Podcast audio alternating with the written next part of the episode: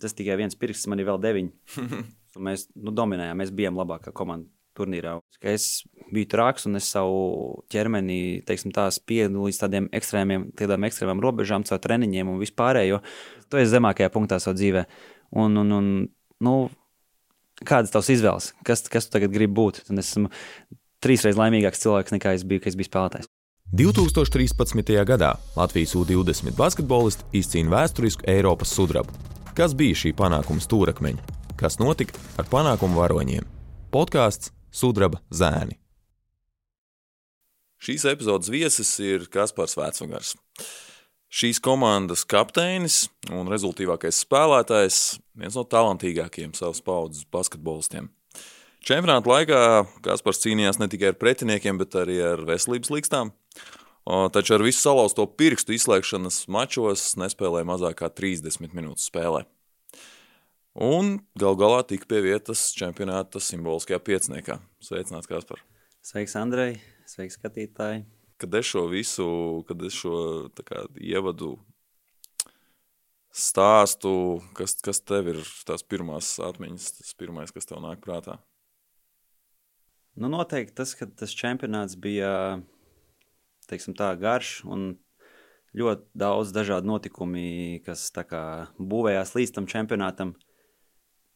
Sagatavošanās process, turnīrs Ķīnā, pēc tam pats čempionāts. Turnīra laikā sapratām, ka mēs esam iespējams labākā komanda čempionātā. Un, nu, ļoti daudz kas dažādi nāk man prātā, bet tas ir vairāk kā komandas saistīts. Tā individuālās lietas varbūt tā es tik ļoti neakcentēju, un es arī vienmēr esmu jūties tāds nedaudz, nedaudz neveikli kaut kādas balvas saņemt vai kaut ko tādu, jo beig beigās eh, tas ir komandas sporta veids, un uh, es vienmēr esmu bijis tāds uh, cilvēks, kurš komandas biedrus liek priekšā sev. Tavs draugs un basketbola treneris Mārtiņš Gulbis toreiz pēc turnīra Polo LV viņam prasīja komentāru. Viņš komentēja, ka nezina citu spēlētāju, kurš ar laustu pirkstu būtu gatavs iet laukumā un cīnīties par Latvijas godu.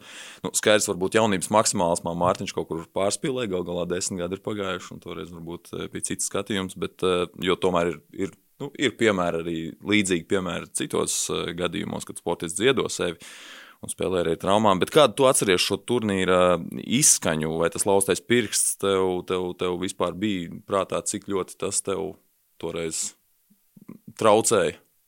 Uh, nu, traucēja noteikti, bet uh, es atceros, ka tas pirmās, tās pirmās emocijas bija ļoti, ļoti nepatīkamas, jo Nu, skaidrs, man tas pirksts bija pilnībā uz sānu, man viņu vajadzēja ielikt apakaļ. Bet, uh, man... Kāds notika, varbūt pastāstīt?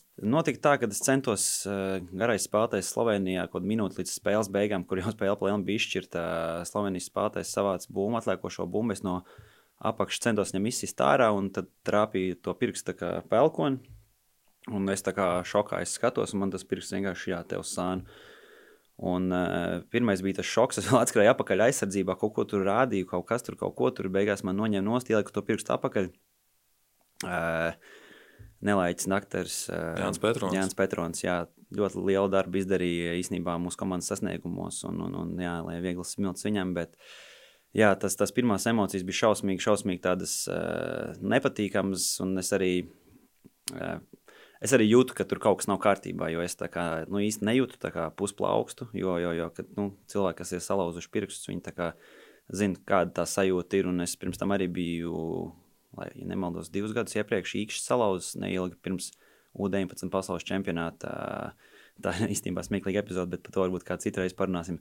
Bet, uh, nu jā, un tad uztaisīja visus rēnģenus, visu pārējo, un kad pateica, ka ir lausts un tur diezgan tādā nepatīkamā veidā, un tas pirks vēl joprojām ir tāds, kāds viņš ir. Bet, Bet uh, nevienu brīdi man nelikās, ka man čempionāts beidzies. Tas bija ļoti interesanti, kas man galvā darījās tajā brīdī, jo tas tikai viens pirksts, man ir vēl deviņi. kā, kā tas man varētu ietekmēt? Es taču varu komandai dot uh, ļoti daudz ko citu, citādākos veidos. Un, uh, Protams, bija tās nākamās divas spēles jāizlaiž.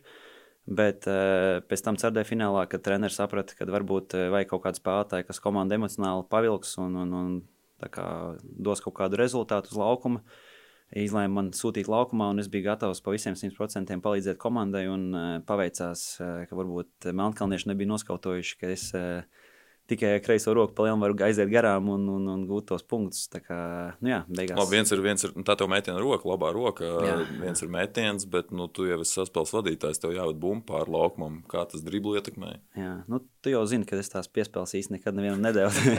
Īpaši jauniešu, jauniešu vecumā. Bet, bet nu, jā, nu, bija sarežģīti. Nu, skaidrs, ka vairāk vajadzēja tā kā, driblēt to kreiso roku. Un, un man jau pēc, pēc būtības eh, arī caurgājienas īstenībā pa kreiso pusi vienmēr ir bijis labāks. Nezinu, katram ir kaut kāda ģenētiski veids, veids kā tur. Jā, ir, ir, ir kas- vairāk labroču, kuriem, labroču, jā, kuriem jā, ir līdz ar to man pat īsti nebija problēmas, bet skaidrs, ka izpildot metienus, ka tu nejūti pusplaukstu, ir diezgan sarežģīti izpildīt šo metienu. Man bija vēl divi eh, šie pirksti sasiet, sasiet kopā, un tas metiens bija pavisam citādāks. Un Es atceros, ka katru reizi, kad es devu piespēli ar labo roku, man caur sāpēm vajadzēja eh, nu, tā kā, nu, vispār tai, tai situācijai iziet cauri. Līdz ar to Bet tas nemazināja to, ka nu, nākamo reizi tu nepadomāji pirms tam kaut vai impulsīvi tajā brīdī, nu nē, es nedošu, jo man sāpēs. Nu, ot, padomāju, padomāju. Es, es, kā, es kā tajā brīdī man likās, ka nē, vienalga, nu, spēlēšu caur sāpēm, caur, caur kaut ko. Kaut gan bija ļoti daudz precāpju zāles un viss pārējais, kas varbūt tagad liekas nedaudz kreizī.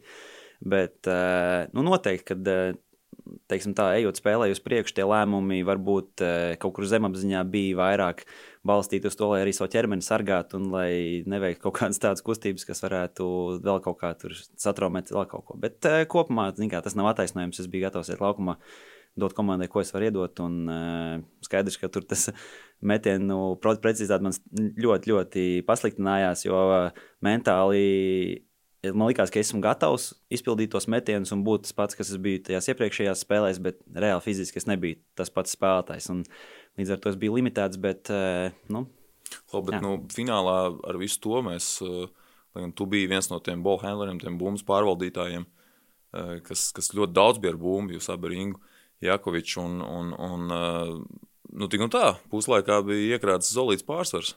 Kur tas, kur tas izsējās? Nu, jā, nu skaidrs, ka uh, Bolhandlers es biju, daudz spēlēju bumbu. Skaidrs, ka treneris adaptēja to spēles plānu tā, lai, tā, lai varbūt uh, Ingus vairāk iet pāri laukumam, un, un, un man varbūt mazāk uh, būtu jāspēlē ar bumbu. Bet, nu, tagad tā, to spēli tinot apakaļ, noteikti bija kaut kādas vairākas epizodes, kur, kur es varbūt pa daudz uzņēmos, vai, vai kāds cits varbūt neveiksmīgāk nospēlēja. Bet, Kopumā es vienmēr esmu respektējis savus lēmumus tajā konkrētajā brīdī. Līdz ar to šobrīd ar tādu vēsprātu meklēt, teiksim, tā attaisnojums un teikt, ka es būtu kaut kā darījis citādāk, vai šobrīd darītu citādāk, tas man liekas, ir īsti nekorekti. Jo, ja tajā brīdī es biju izlēmis, ka es uh, uzbrukšu daudz un uzbrukšu tā, kā es esmu uzbrucis visu čempionātu, cim redzot, tas manā tajā brīdī galvā likās kā pareizs lēmums, un es respektēju to savu lēmumu. Vai es tā būtu darījis, uh, ja tagad būtu čempionāts? Nezinu, to mēs tikai noskaidrot, ja tā būtu bijis. Bet, uh, Nu, tā ir no, no sērijas, tā te būtu rīteņi, bet eh, nu, tikpat labi jau Tieši nu, tā. Mēs nevaram zināt, eh, vai vispār būtu tas fināls bijis, ja nebūtu, ne, nebūtu bijis arī ceturdaļfinālā, pusfinālā. Eh, Tas, ka tu biji kapteinis toreiz, um, toreiz pirms tiem desmit gadiem, tev tas nozīmē kaut ko?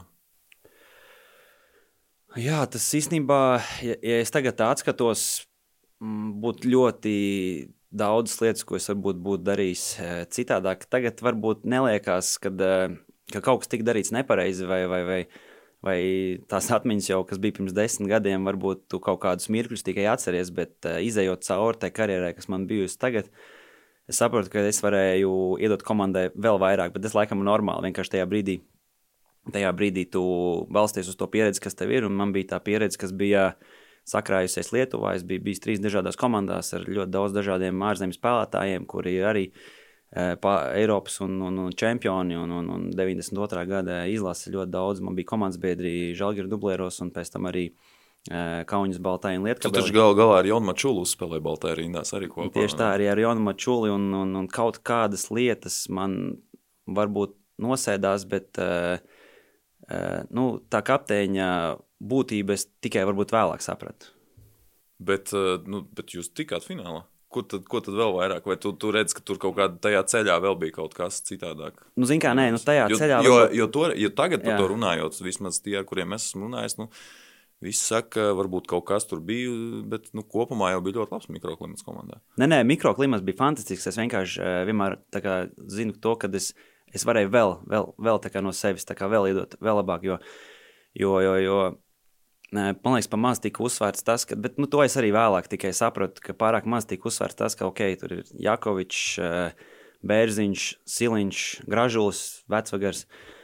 Bet neviens, es negribu teikt, ka neviens, bet es būtu vairāk uzsvaru līdz uz to, ka tie īstie džeki, kas, kas bija tie difference makeri, kas, kas, kas bija tas iemesls, kāpēc mēs vispār tikām tik tālu un izcīnījām, bija Štelmachers, Leimanis, Krūmiņš, Stumbris, Rēķis, Saulītis un Gromovs. Tā kā spēlētāji, kuri pieņem to savu lomu un ir gatavi dot sevi 100%, tas nav viegli būt par spēlētāju, kuram varbūt ir limitēts minūtes. Un, un, un noteikti bija spēlētāji, kur bija pelnījuši vairāk arī spēlēt. Līdz ar to pieņemt to lomu un atdot sev pa visiem 100%. Tā ir, tā ir tā māksla, un tās ir tās komandas, kuras, kuras arī beig, beigās izcīna tos titulus. Un beig, beigās arī, ja ne tituls, bet tas, tā ir tā čempionu mentalitāte, kas ir, kad, ka visi ir gatavi viens par otru celties un krist un celties. Līdz ar to varbūt es kaut kā būtu vairāk centies teiksim, viņiem justies tā, ka viņi ir lielāka daļa no komandas varbūt nekā viņ, viņiem likās. Bet, uh, es nezinu, kā viņi domā, bet uh, tagad vienkārši skatoties uz, uz tām lietām, es varbūt būtu vairāk kaut kādas lietas, kaut kādu kredītu viņiem devis. Nu jā, Roberts Stumbrs, arī viens no mūsu šī podkāstu viesiem, arī teica, ka nu, nu, viņš nemaz neslēpa to savu pārliecību, ka viņš uzskatīja, ka viņam ir jāspēlē vairāk jā, nekā jā. viņš spēlēja. Nu, viņš jā. tur spēlēja salīdzinoši simboliski. Nu, jā, noteikti. Un, uh, viņš noteikti varēja spēlēt vairāk un, un, un dot vairāk. Un arī tās minūtes, Bet tajā brīdī, spēlēja... tu kā kapteinis, tu jūti, ka tur kaut kas, nu, kāds varbūt grib kaut ko vairāk. Vai, nu, es, vai ja es, uzvar, tad visi tomēr. Nu, es jūtu, bet, es jūtu, bet uh, man varbūt labi bija tas, ka es kaut kādām lietām kā, nepievērsu uzmanību un kā, nemēģināju kaut kādas liekas drāmas veidot komandā. Nu, uh, es, es, es nevienā brīdī, nezinu, tur sastajam, e, pirmajam, piektajam, sastajam, divpadsmitajam e, spēlētājam neliku justies, ka viņš nav daļa no komandas. Visi bija komanda un, un pret visiem, nu, kā mēs izturējāmies vienādi, vismaz, ja man atmiņa nebija līdz ar to. Skaidrs, ka tu jau kaut kādā zemapziņā apzinājies, ja, pieņemsim, man pašam, kā bija, ka es biju komandās, kur man mazāka loma, ir šausmīgi grūti, ja tu savā galvā esi, kā, ja tu domā, ka tu esi labāks un ka tu esi pelnījis vairāk minūtes, ir šausmīgi grūti tāpat sadot visu to sirdi un dvēseli tai komandai. Bet uh, tās ir tās komandas, kā jau teicu, čempionu mentalitāte.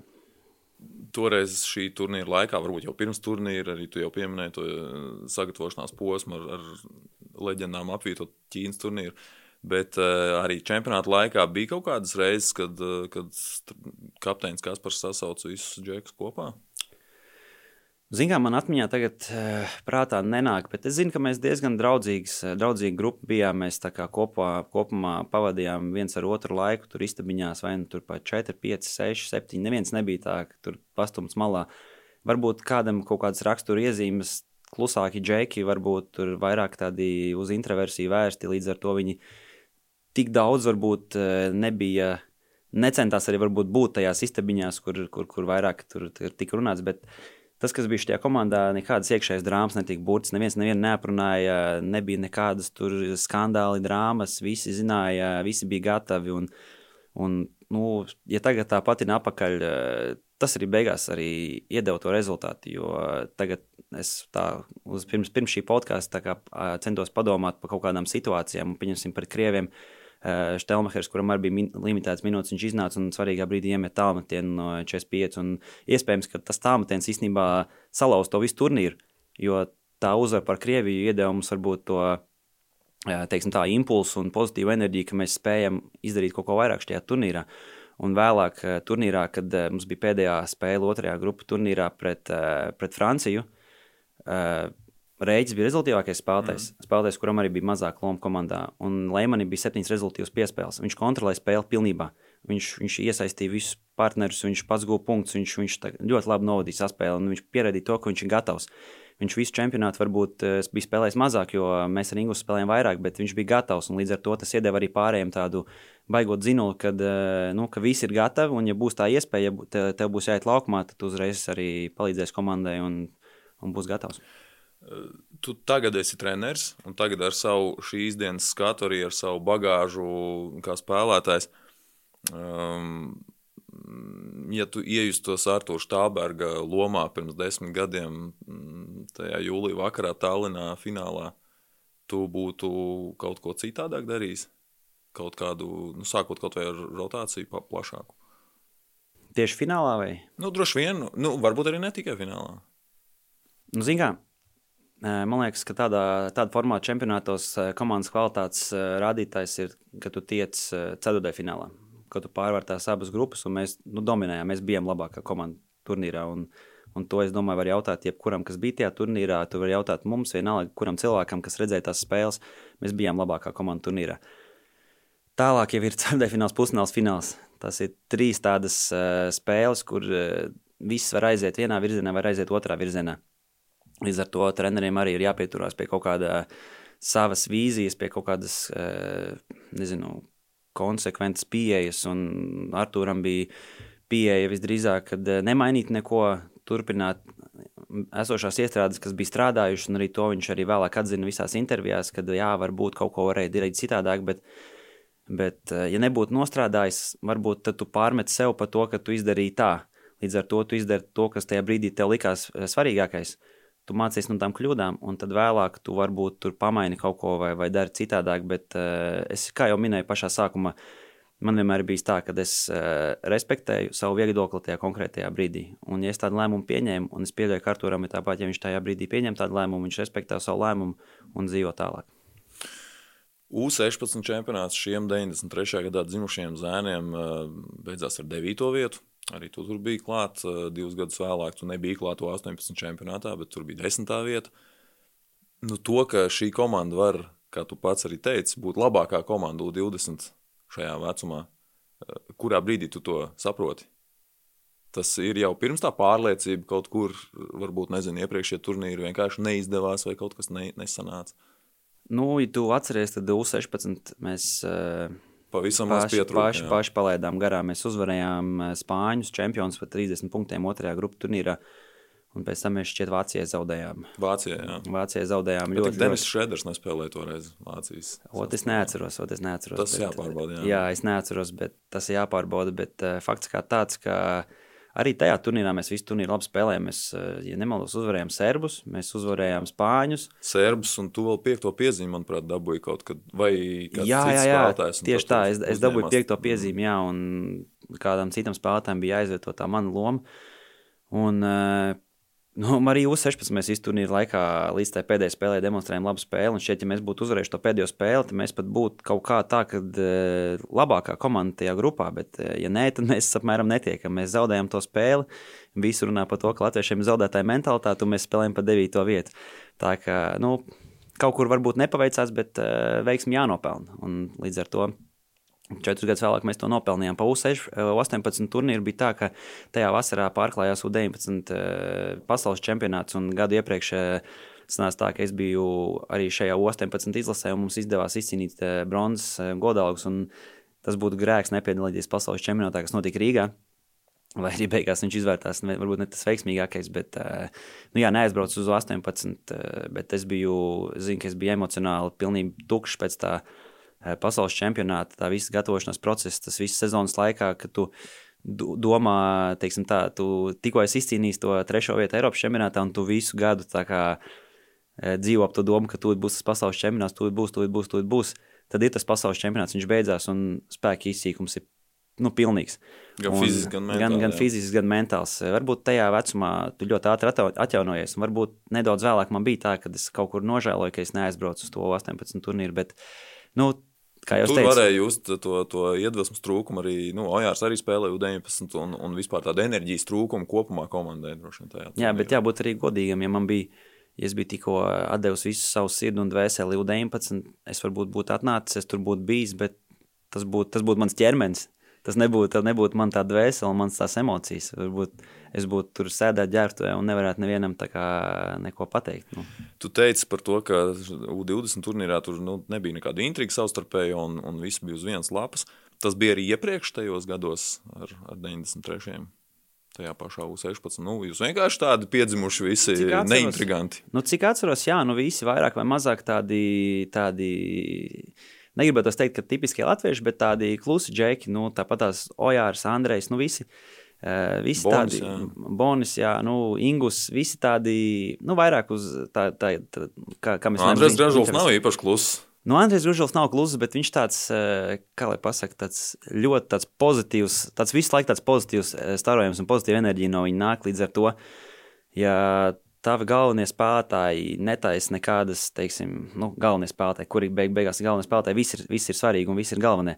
Vienkārši šie spēlētāji, kuri spēlē eh, vairāk minūtes, eh, ja tie spēlētāji netaisa nekādas muļķības un netaisa nekādas intrigas un ārpus laukuma nav nekādas eh, problēmas, tad es domāju, ka pārējie arī pavalkās un, un līdz ar to, nu, es nenovēroju. Man, man Andrejs jau pievienojās vēlāk, viņš tikai uz 16 Viņš jau vecumā. tad vēl sāka tikai Uz 16 sākas, es atceros, mums bija pārbaudas spēle pret Ventspils augstskolu ķēzermeža zālē, Mešparka zālē. Un tā bija Andrejam Gražulim pirmā spēle, un viņš tur tāds, tāds skraidīja tādā viegli plēc skrējienā, tur nesaprata, kur viņš ir atradies, tur, man liekas, noteikums līdz galam nesaprata, bet re, kur četrus gadus vēlāk bija galvenais iemesls, kāpēc mēs par finālā bijām. Jā, eh, ja mēs vēl par to mikroklimatu, jums toreiz mm, tika piesaistīts arī kapelāns Elmārs Pļaviņš. Eh, Kāda bija viņa loma? Ko vispār nozīmē kapelāns sporta komandai? Man te jau šausmīgi grūti atbildēt uz šo jautājumu. Es domāju, ka noteikti bija, bija ietekme un bija varbūt eh, spēlētāji, kuriem eh, kaut kādas lietas nosēdās no, no, no uzrunām, no sarunām, no, no tā visa, ko mums deva. Bet kas bija tās nu, viņa darba metodas, ko viņš Nu, nu, go, god, godīgi sakot, es atceros, kad, eh, ja nemaldos, pusfinālā vai finālā eh, viņš ienāca ģērbtuvē un, un, un teiksim, veids tādu tā kā uzrunu. Bet, eh, nu, zin kā, mēs visi jauni džeki spēlējuši, tur uz emocijām maucam. Nu, grūti pateikt, vai tajā brīdī, kas, kas, kas nostrādāja, kas nenostrādāja, skaidrs, kad kādam varbūt vairāk palīdzēja, kādam mazāk palīdzēja, bet nu, tagad man, ja tu, ja tu man tā pajautāji, es, es tagad man, man grūti pateikt, kā tas tieši manā virzienā nostrādāja, bet uh, skaidrs, ka uh, prieks, ka tika piesaistīts cilvēks un prieks, ka bija kaut kāda arī teiksim, tā idejas un domāšana ārpus kastes, kas ir mūsdienās ļoti, ļoti tāda, nu, attīstīta metode. Tā kopumā no visa šī turnīra, ko tu vari paņemt, s- ko tu paņēmi sev savai karjerai? Varbūt arī tagad, skatoties, nu, kas, kas bija tie kaut kādi varbūt, eh, punkti tavai dzīvei, kas nāca tieši šī panākuma laikā. Mhm. Starp citu, to, tu to uzskatīji par panākumu, to tikšanu finālā, jo tomēr pēdējā spēle tika zaudēta. Nu, jā, nu, man beigu, beigās vienmēr tas eh, čempionāts, lai arī tā bija pirmā reize šķiet vēsturē kopš, kopš 1935. gada, kad kāda no Latvijas basketbola komandām, nav svarīgi vai, vai, vai jauniešu komandas vai kas, tika finālā. Un skaidrs, ka mēs bijām daļa no vēstures, un mēs kaut kādā veidā atstājām savu nospiedumu Latvijas eh, basketbola vēsturē, un vēlāk arī sekoja Iespējams, ka mūsu to, tās pārliecības un to rezultātu ietekmē arī nāca vēlāk šīs medaļas vairākas pēc kārtas, un tur su fināli un viss pārējais. Uh, ko es paņēmu? Nu, ļoti daudz. Nu, saprotams, eh, ka tajā brīdī tu varbūt neapzinājies to, cik ļoti tas daudz nozīmē. Tajā brīdī, kad tu ienāc zālē un tur ir pilna saku arēna ar šeit, cik tur bija 6, 7 tūkstoši, 7 tūkstoši, un visi tur bija sabraukuši un sūta ziņas un vēl veiksmi. Un, un tajā brīdī tiešām tā sajūta, ka mēs uh, Latvijā kaut ko esam izdarījuši un ka mēs kaut ko nozī nozīmējam. Kā, un, un ka tas viss darbs, ko mēs ieguldījām, un tas uh, viss ir kaut kādā veidā at, at, atmaksājies.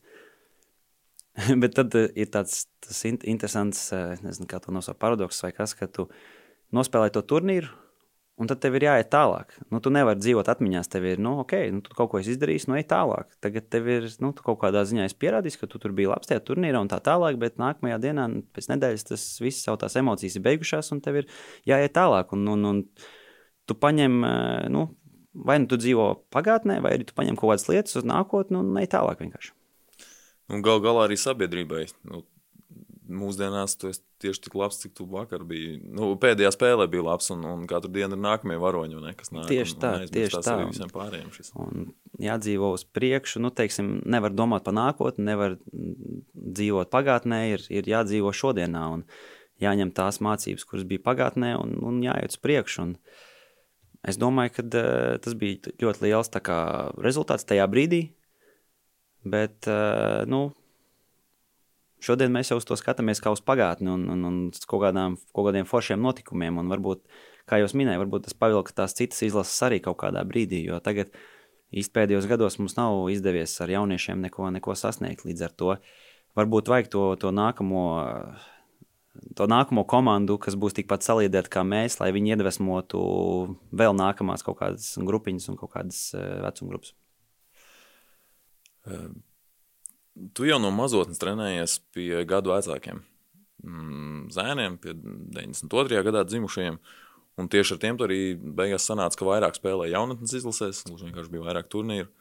Um, kā tu jūties starp tiem saviem īstajiem 93. gadā dzimušajiem? Tu, tu biji savējs vienmēr vai, vai mazliet kaut kur svešķermenis? Man grūti pateikt. Tas varbūt jāprasa. Jo arī jaunatnes līgā tu, tu lielākoties spēlēji tieši pie, Jā, pie vecākiem. Bet tur bija tā bija kaut kāda interesanta apstākļu sakritība, jo man, man brālēns izlēma, ka viņš grib spēlēt basketbolu un viņš ir dzimis 91. gadā. Un tur bija grupiņa 91. un 92. gada, un tad vienkārši, lai mums būtu vieglāk izdarīt uz treniņiem, mūs abus veida pie, tā, pie tām grupiņām kopā. Un tad es kaut kā vienmēr biju ar vecākiem kopā, 91. un 92. Skaidrs, ka es tur biju pa visiem pa pusmetru īsāks. Un tad tur trenējos un, un centos eh, kaut kā atrast veidus, kā spēt būt eh, kaut kādā veidā produktīvs vai tā tālāk. Un tad pienāca brīdis, kad tika izveidota komanda, un es biju ielikts pirmajā komandā, un es nemaz nespēju novērtēt tajā vecumā tos savus spējas vai kaut ko. Es kā, nu, vispār pat, pat nezināju, vai esmu labs spēlētājs vai slikts spēlētājs. Bet tad eh, galvenais treneris Matīs Svārs man ielika pirmajā komandā, kas man bija ļoti kā, liels novērtējums. Es atceros, bija kā ļoti tāds, eh, tas varbūt izklausās smieklīgi, jo tas notika pirms eh, cik jau kaut kādiem desmit gadu vecumā varbūt. Bet, eh, nu jā, tas bija tāds baigais novērtējums. Un tad eh, tālāk vienkārši es visu to laiku pavadīju ar 91. un 92. gadiem. Un tas kaut kā dabīgi kā izveidojās. Skaidrs, ka es biju tur, kā jau teicu, pavisam mazāks un tā tālāk. Bet, bet eh, kaut kā ar viņiem varbūt ātrāk mentāli. Kā, tīk, bija priekšā varbūt saviem vienožiem kaut kādā mentālajā ziņā vai kaut kā tā. Un tad vienkārši ieliekot mani pie 93. Nu, tāpat tās tur jau bija labi spēlētāji, un viss bija kārtībā. Vienkārši man tā varbūt pārliecība bija lielāka, tāpēc, ka esmu spēlējis pret vecākiem un pret ātrākiem, un man vienmēr bija jāmeklē veidi, kā e, citādāk apspēlēt savus pretinieks ne uz fizisko spēku, jo fiziskais spēks man nebija nekāds.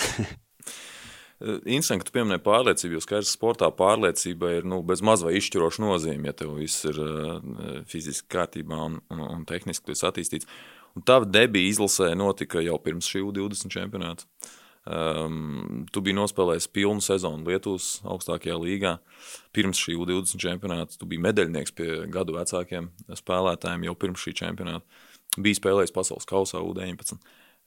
Cik daudz šāda personīgās pieredzes bagāža nu, bruģē to ceļu pretī tādiem augstiem sasniegumiem un, un, un tā pieredze, ko tu esi iegūst līdz tam, cik ļoti veido tavu pārliecību. Aizejot uz varbūt komandu, kur, nu, kur nav spēlētāji ar tik lielu pieredzi. Nu, noteikti nu, pieredze ir tas, kas uh, tev nāk vēlāk līdzi. Un, es domāju, viss tas ceļš, kas tika iets uh, līdz tam čempionātam, nu, ja, ja var tā paskatīties, ka varbūt, varbūt lietas notiek dzīvē tā, kā tam jānotiek. Un varbūt tas mans kaut kāds ceļš bija iebruģēts tā un izveidots tā jau pats no sevis. Kad uh, man tur bija jābūt un, un tādam rezultātam vienkārši bija jānotiek, jo kaut kādas dzīves apstākļu sakritības dēļ tā, tā vienkārši notika. Un, nu, viss, viss ir, manuprāt, eh, pieredze, motivācija, disciplīna un, un, un tas mentālais fokus, kāds, kāds, kāds tev ir. Un, un līdz ar to kaut kādā veidā man tas jau bija varbūt ātrāk izveidojies, līdz ar to man ir arī novērtēja, un es pat neatceros, vai bija, nu, Es, ne, es neatceros, kā man ievēlēja par kapteini, jo vai bija vēlēšana, tās kapteiņa balsošana vai nebija balsošana, bet uh, nu, tagad atskatoties, nu, nu laikam jau bija pareizais lēmums man ielikt par kapteini, jo es arī tagad skatos no varbūt citu skatu punktu un kurš komandā ir, ir jāatrod komandā līderi un jāsaprot, kurš ir tas līderis, kurš pavilks tos pārējos, kuram nav teiksim, tā, bailes pateikt kaut kādu asāku vārdu, bet nevis tā, lai paceltu kaut kādā veidā savu ego, bet uh, tā, lai iedot tam komandas biedram to pareizo mesiģu, lai viņš būtu gatavs tev uz dēļ, tev uz dēļ celties un krist un celties. Tu biji līderis uh, gan spēles laukumā, gan ārpus laukuma un, un saliedējot komandu. Bet ir gadījumi, kad uh, līderis var būt arī spēlētājs, kurš laukumā nemaz nespēlē tik daudz savā pieredzē, spēlētāja pieredzē, klubos dažādos. Uh, ir bijuši šādi gadījumi. Nu, noteikti ir bijuši tādi gadījumi, spēlētāji, kuri redz spēli, labi saprot spēli, bet kaut kādu fizisko īpašību vai tehnisko īpašību dēļ viņi varbūt nav tur galvenie spēlētāji, bet, bet tas ir tīri raksturs, pārliecība un, un kaut kādā veidā tas, tas kontakts ar treneriem, spēlētājiem, jo, jo kapteinim jau jābūt tam spēlētājiem, kas ir starp, starp treneriem un starp spēlētājiem, un jāspēj tā kā uh, veidot kontakts ar vieniem un otriem, līdz ar to tev jāpaņem informācija no vieniem, jāapstrādā viņa un jādod komandai. Tāpat no komandas nāk kaut kāda informācija, tev viņa jāapstrādā un jānodod treneriem. Līdz ar to nu, noteikti, noteikti kad, uh, ir komandas, kurās ir spēlētāji, kuri vienkārši varbūt spēlē mazāk. Bet nu, sportā ir tas arī interesanti, kad uh, tie, kas spēlē vairāk, varbūt uz tiem skatās kā uz vairāk uz paraugiem. Kas varbūt nelīdz galam būtu pareizi, bet uh, jo nevienmēr tie spēlētāji, kuriem spēlē vairāk, un tie spēlētāji, kuri teiksim, dod to rezultātu, teiksim, statistiski un tā tālāk, nevienmēr tie spēlētāji ir tie galvenie spēlētāji, kāpēc tā komanda uzvar to turnīru vai, vai čempionātu. Tas ir tas, tā komandas ķīmija, kas ir izveidojusies, un varbūt ir kāds cits spēlētājs, kas, kas to komandu spēj apvienot. Un... Nu, šis ir no pilnīgi citas operas, bet uzreiz nāk prātā Judonis Hazlims. Miami Heat rindās. Ja? Viņš nav spēlējis septiņu gadu laikā nospēlējis divas puses minūtes plēsoņā, bet viņš ir tajā komandā. Nu jā, un katru reizi, kad viņš iznāk laukumā, visi redz, ar kādu atdevu viņš ir gatavs. Viņi, man liekas, katru spēli ir gatavs tur izmest no ārā no zāles, jo viņš vienkārši nevienam ceļu negriezīs. Un, ja kāds kaut ko mēģinās tur komandas biedriem vai, vai, vai kaut kādā veidā, viņš ir uzreiz priekšā, viņš uzreiz aizstāv visus, viņš pastāv pa visiem. Es pieļauju, ka viņš ir pirmais ģērbtuvē, viņš pēdējais iznāk no ģērbtuves, viņš veido to kultūru, viņš runā ar komandas biedriem, viņš ar visiem ir izveidojis to saikni. Viņš ir tas cilvēks, kas ģērbtuvē kontrolē visus notikumus. No šīs izlases esi vienīgais, kuram ir divas medaļas jaunatnē. Tātad ar U18 komandu pie 92 gadiem bronzā un 20 sudrabs. Šīs medaļas ir salīdzināmas. Es domāju, ka jā. Es domāju, ka kaut kādā ziņā jā. Nu, ja mēs runājam par pa U18 izlasi 2010. gadā, tad man arī jāuzteic varbūt eh, tādi, tādi spēlētāji kā, kā Čoders, kā Apsītis, eh, Arnolds Helmanis, Renārs Magonē, Vītiņš, eh, Rostovs. Negribās tagad nevienu aizmirst. Vītiņu pieminēja? Vītiņš, jā. Vītiņu vai pieminēja, jā. Tā kā, nu, visi šie spēlētāji, kas... Brēmers. Uh, Brēmers, jā, nu, Brēmers ar, nu, ar Misteru. Brēmers ar Misteru jau bija, mm. jau bija spēlētāji, kuri, kur spēlēja vairāk. Nu, skaidrs, ka tur bija Tīma, Bertāns, Dukulis, uh, tie, kas spēlē liels minūtes. Vecvagars. Bet, uh, vecvagars, jā, bet uh, noteikti, kad nu, nebija tas iekšā, nevienam nebija tas kaut kāds aizvainojums. Nu, varbūt, ka bija aizvainojums, kad, kad nespēlēja vairāk minūtes, bet uh, beig beigās uh, visi spēja to ego nolikt malā, nekāds drāmas netika burts, un, un visi gāja pēc tā rezultātu. Un tajā brīdī, kad tu redzi, ka ir spēlētājs, kurš varbūt uzmet kaut kādu metienu, kur viņam varbūt nevajadzēja uzmest, bet tu zini, ka viņš pēc tam otrā galā izcīnīs. Tur trīs atliekošās bumbas, vai tur izlaiks kaut kur no diviem savākt atliekošo bumbu uzbrukumā, vai pārķers, vai nobloķēs, vai nokritīs, ziedos savu ķermeni. Tur Renārs Magorns bija gatavs ar saplēstām potīšu saitēm iet laukumā. Tās ir tās lietas, kas dod tai komandai to, to impulsu un enerģiju. Un, un tas, tā ir tā čempiona mentalitāte, manuprāt. Nu, un šīm divām medaļām blakus noliekot uh, tikšanu Latvijas izlasē 2015. gada Eiropas čempionāta fināla turnīrā, kas norisinājās pirmā kārta arī Rīgā. Hmm. Tas arī ir salīdzināms lielums. Vai tur tomēr ieslēdzās tas, ko tu teici iepriekš, ka nu, ir grūti pieņemt, ka tu nespēlē tik daudz? Nu jā, nu, tur bija tā, ka eh, nu, es tikko biju pēc uh, savainojumiem, biju gandrīz divus gadus izlaidis uh, krustveida saišu plīsuma dēļ. Un, Varbūt kaut kurā brīdī man tur avansā bija iedota tā vieta 12. jo, godīgi pateikšu, es nu, domāju, ka es nebiju tur pelnījis būt, ka bija spēlētāji, kas tur bija vairāk, vairāk pelnījuši būt, bet es tur biju un varbūt uz kaut kādu tādu savu jaunības uh, muļķīgumu vai kaut ko tādu arī izgāju cauri tai, tai situācijai, tam, tam, tam emocijām, kad uh, nu, kad varbūt es domāju, ka es varēju spēlēt, bet ob objektīvi sakot, nu, es nebiju gatavs tam līmenim. Nu, tur bija spēlētāji, kas jau sev pierādījuši augstā līmenī un kur deva rezultātu, bet es varbūt kaut kur savā galvā domāju, ka es, es esmu gatavs un es varu dot vairāk, un man jālaiž vairāk. Un, un, un, un tajā brīdī arī vēlāk, skatoties, nu, tas, tas varbūt bija tik muļķīgi, un man vajadzēja varbūt vairāk eh, būt tādam, tādam nezinu, spēlētājiem, kurš tādu pozitīvu enerģiju ienes, ienes ģērbtuvē. Nu, bija vēl viens spēlētājs, Haralds Kārlis šajā sastāvā, jā, jā, kurš jā, laikam jā. to darīja ļoti labi. Jā, jā nu es, es tikai tā tagad atceros, es varbūt arī centos, bet tas kaut kā nāca arī nu, dabīgi, nedabīgi, bet eh, nu, varēju vēl, es varēju vēl vienkārši iedot vairāk. Un atskatoties tagad, eh, varbūt tā mana kaut kāda domāšana bija muļķīga. Līdz ar to noteikti varēja iedot vairāk tieši kā rezervists un kā tas 11. 12. spēlētājs. Kaut gan varbūt tajā brīdī es savā galvā domāju, ka es neesmu 11. 12. spēlētājs, bet vienkārši nu, tas ir tā, tā loma pieņemšana un ziedošanās komandas interesēs. Tas ir tas, ir tas kas komandām dod to rezultātu. Par tevi par tavu karjeru. Tu prom no Latvijas aizbrauc jau agrā vecumā, 17 gados, parakst līgumu ar Kaunas Žalgiri, ar Eirolandes klubu. Mm. Ir pagājuši 13 gadi kopš tā laika, kopš šī līguma ar Kaunas Žalgiri vai aizbraukšanas uz, uz, uz Lietuvu. Tas bija pareizs lēmums, tagad skatoties. Es domāju, ka jā, es domāju, ka katram dzīvē uh, tu pieņem lēmumus, un tu ar tiem lēmumiem sadzīvo, un vai nu tu viņiem uh, mācies un ne tālāk, vai tu pārdzīvo un domā, ka tu esi kaut ko palaidis garām vai, vai nepalaidis garām. Bet man liekas, ka tā ir muļķīga domāšana. Es domāju, ka jādomā, ka tev ir dot kaut kāda iespēja, vai tu viņu paņem, vai tu viņu nepaņem. Un man bija tā, tā iespēja un gods, pieņemsim, būt trīs gadus lielajā žēlgara komandā un spēlēt kopā ar Šarunu Jasikeviču, piemēram, redzēt viņu kā asistentu un redzēt kā galveno treneri. Un, e, tas šobrīd man ļoti daudz dod, jo man bija tā unikālā pieredze Un uh, man varbūt to pārēju tagad no tā spēlētāja karjeras uz treneru karjeru būs uh, varbūt nedaudz vieglāk nekā kādam citam. Līdz ar to redzot, redzot viņu un esot ar viņu kopā uh, kaut vai tos, tos trīs gadus, tas ļoti liela ietekme uz manu tālāko teiksim, tā, dzīvi. Ne tikai basketbolistu karjeru, bet dzīvi ir iedevis.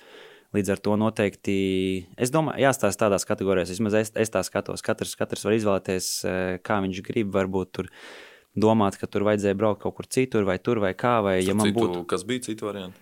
Nu, bija ļoti daudz, īstenībā, bija pēc, it īpaši pēc U16 bija ļoti daudz variantu. Pēc U20 uh, īsti es neizskatīju nekādas. Tu jau aizbrauc pēc U18 bronzas? Es aizbraucu pēc U18, bet es jau biju vienojies jau, jau pirms, mm. pirms tam līdz ar to tas viss bija palielam jau pēc tā U16, kur individuāli es diezgan labi biju nospēlējis. Bija varianti braukt uz Ameriku, uz Spāniju, uz visu kaut kurienu, bet beigās no, no, novēlējumiem par labu Lietuvai.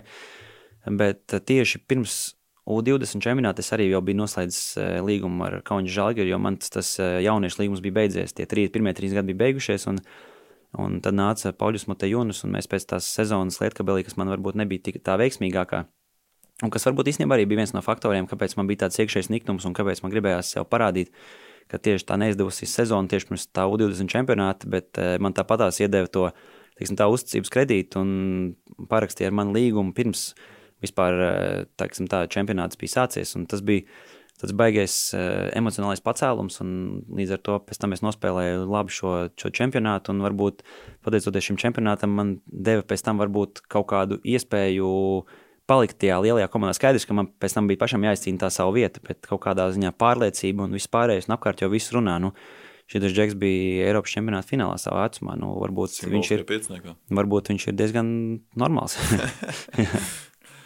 Nē, nu es esmu tāds prombraukšanas atbalstītājs, jebkurā gadījumā. Man šķiet, ja tas, ja tas uh, pusaudzis ir uh, nu, pietiekami nobriedzis uh, un, un gatavs dzīvot arī viens projām no mājām, un viņam ir raksturs to izturēt, tad, tad manuprāt, ir jābrauc. Un, un, un ja viņš ir teikt, ar, ar, ar galvas pleciem, jo, jo no šīs pieredzes jau tu iegūsti savai dzīvei. Var iegūt savai dzīvei, visai nu, dzīve ir plašāka par basketbolu tikai. Galu galā tu droši vien nebūtu iemācījies lietuviešu valodu perfekti, ja nebūtu aizbraucis uz Lietuvu. Nu, tieši tā, tā, tā ir vērtība, ko tu. Nu, tā... tā ir vērtība, kultūra, kaut kādā ziņā kontakti. Tas ir, tas ir viss. Viss ir kā tu to paskaties. Nu, ja... Pat ja tu nesnāc basketbolists, gal galā tu vari iegūt visus tevis nosaukto kontaktu. Nu, tieši un, tā, un dienas beigās uh, katrs mēs pieņemam savus lēmumus, un katrs mēs veidojam kaut kādu savu dzīvi, un viss neadurās tikai par basketbolu. Un tev, Brāčkā, arī nu, iemācījās itāļu valodu. Viņš tagad arī var jebkurā brīdī aizbraukt uz Itāliju, un viņi tur sagaidīs ar atklātām rokām. Tāpat man ir Lietuva, mēs cenšamies katru gadu ar sievu aizbraukt uz Lietuvu, uz Kauņu un kaut vai iztaigāt cauri pilsētai, tur satikt draugus. Un, un tā ir tāda neatņemama, teiksim tā, pievienotā vērtība tam visam tam pasākumam. Un tagad arī man visu karjeru bija lietuviešu komandas biedri. Līdz ar to man uzreiz ir viņiem kaut kāds saikni, ja? saikni kaut mm. kāds konteksts. Mēs kā varam parunāties, mēs varam kā, kaut kādas lietas izrunāt, kuras varbūt tu negribi. Tur, lai visi citi komandas biedri tur dzird, bet, nu, teiksim tā, tu veido to, tās attiecības. Mm. Un, un skaidrs, ka jo vairāk jo plašāk tu skaties uz lietām, jo tas tev vairāk dod nākotnē. Tas man līdz ar to arī palīdzēja. Tavs tēvs ir uh, bijušais izlases basketbolists, arī izlases bijušais treneris. Cik liela ir viņa loma bija gan toreiz izvēlēties žālgaru un parakstīt ar žālgaru un vispār pieņemt lēmumu aizbraukt, un varbūt arī vispār nākamo lēmumu pieņemšanā karjerā? nu, bija tā, ka uh, mēs apsēdāmies istabā pie galda un bija palielam trīs varianti - Amerika, Spānija vai Žalgiris. Kas bija Spānija un Amerika konkrētāk? Nu, es tur nesaukšu komandu, bet, bet, bija, bet bija, bija, labas, bija laba skola. Bija laba skola, turpat. Uh, nu, tā bija vidusskola. Bet es domāju, ja es būtu aizbraucis uz vidusskolu, es tur nebūtu vispār spēlējis, jo tur bija tādi spēlētāji, ka tur. Nu, kuri? Daļ, kuri? Pasaules. Bija tāds uh, Justins Andersons, viņš tajā brīdī mm. bija, bija viens no top prospektiem. Es īstenībā vēlāk spēlēju tagad uh, Spānijas otrajā līgā ar Kevinu Larsenu, kas tieši tajā pašā skolā mācījās. Uh, bija vēl spēlētājs, tagad uz sitienu tev, tev nepateikšu, bet, bet bija ļoti laba vidusskola. Un, bet, nu, tas arī, nu, piemēram, Andris Misters, viņš bija labākais savā vecumā, viņš aizbrauca uz ļoti stipru vidusskolu. Viņš netika īsti pie tās iespējas sev parādīt. Un pēc tam vēl tā, tas krustenisko saišu plīsums, kas viņam bija pēc pēdējās sezonas, arī varbūt viņam neļāva uzreiz ielikt tajā, tajā labākajā variantā viņam uzreiz. Līdz ar to nu, tā bija tāda bijība aizbraukt projām pavisam kaut kur. Un, cits kontinents, cits, cits laiks. Jā, josla, cits ne? kontinents, cits kaut kā es nebiju gatavs. Es zinu, ka tagad ir ļoti daudz jauniešu, varbūt, kuri sapņo braukt uz Ameriku un mācīties. Man tas kaut kā nelīdz galam bija tas mans sapnis. Eh, es vairāk varbūt skatījos tajā brīdī Spānijas virzienā, bet Spānijā bija tā, ka man bija. Eh, es, es runāju ar vienu aģentu, un viņš, eh, teiksim, man bija, teiksim, mutiski no viņa nāca piedāvājums no ļoti lielas spāņu komandas. Barcelonas. Nesaukšu, es ne, nesaukšu, man nesaukšu man no ļoti liels spāņu komandas, bet uh, pēdējā brīdī uh, kaut kādā tur augustā pēkšņi bija kaut kādas brīvdienas, kaut kas tur, kaut ko tur nevarēja tur piedāvājumu atsūtīt vai kaut kas vai kaut ko, un tad beigās parādījās cita komanda arī Spānijas augstākajā līgā, bet tāda komanda, kur ir uz robežas uz izkrišanu, neizkrišanu. Un tad bija tāds skaidrs, ka tu aizbraucot uz turieni, tu esi iemests arī savā ziņā tādā tā kā gaļas mašīnā, un tu jau nu izdzīvo vai neizdzīvo. Varbūt tas arī būtu bijis labs lēmums, ja tur būtu aizbraucis, bet man kā kaut kā tas, ka es, es jūtos nedaudz ap, apmānīts, apčakarēts līdz ar to. Es tā kā atmetu tam roku, es neizskatīju to, to variantu, un tad palika tas žēlgiri variants tuvāk mājām. Eh, laba organizācija, es jau biju aizbraucis eh, šķiet, ka uz jauniešu Eirolīgu jau atrādīties. Jā. Jau aizbraukt pie viņiem uzspēlēt, jā, jā toreiz. Un Ojārs arī bija Stēlā Zurā. 2009. gads, decembris. 2009. gads, jā, un, un, man izdevās tā kā arī tur snāk pie gadu vecākiem savu diezgan labi parādīt. Un, izcīnījāt uzvaru toreiz, jā. Izcīnījām uzvaru, bija laba komanda, un, un jā, nu tas kaut kā viss dabīgi, dab, dabiski notika, un es arī dzīvē virzos pēc kaut kādām lietām, kas, kas tā kā dabiski notiek. Nu, es neko necenšos forsēt un mākslīgi veidot. Ja man iekšējā balss saka, ka tā ir jādara, tad tā ir jādara. Ja nesaka, ja kaut kas mani attur, tas nozīmē, ka es varbūt kaut kur neesmu gatavs tam, varbūt tam solim aizbraukt uz eh, Spāniju vai Ameriku, varbūt es tajā brīdī nebiju gatavs. Un tā Lietuva man likās tuvāk, eh, negribējās pilnībā iziet ārā no vidusskolas. Man tomēr tēvs eh, vienmēr akcentē to, ka vajag mācīties, un mācības ir pirmajā vietā. Līdz ar to man liekas, ka tas būtu vieglāk arī apvienot ar mācībām un pabeigt vidusskolu te Latvijā. Jo nu, tu nekad nezini, kā tev viss iegrozīsies dzīvē, un varbūt Spānijā tur atsakoties no tās Latvijas vidusskolas izglītības, pēc tam būs grūti kaut kur iestāties, kaut ko izmācīties, kaut ko, kaut ko vēl pēc tam, ja gadījumā tas basketbols nesanāk. Līdz ar to gribējās pabeigt to vidusskolu. to es izdarīju, viss, viss tādā ziņā bija kārtībā, noliku visus eksāmenus un beig beigās, uh, jā, beig beigās. Bet, bet tā tēva loma un ietekme toreiz tajā lēmumā? Tieši, uz, tieši braukt uz, uz Žalgiri, nu, palielam viņš jau ļoti, ļoti agrā vecumā ļāva man pašam pieņemt lēmumus un, zin kā, viss notiek diskusijas veidā, uh, diskutējam par lietām un tad tā dabīgi atlasās kaut kāds tas pareizais lēmums no visām tām lietām, kas, eh, kas tiek eh, vir, nu, nebija nekāda spiešana vai virzīšana vai kaut kā. Vienkārši eh, dabiskā ceļā, dabis, dabisku diskus, diskusiju ceļā mēs nonācām pie tā žēlīga. Kad ir kaut kāds, vai tur jau tu pats simtprocentīgi? Tur, tur bija, tur bija, jau, tur bija es aģents.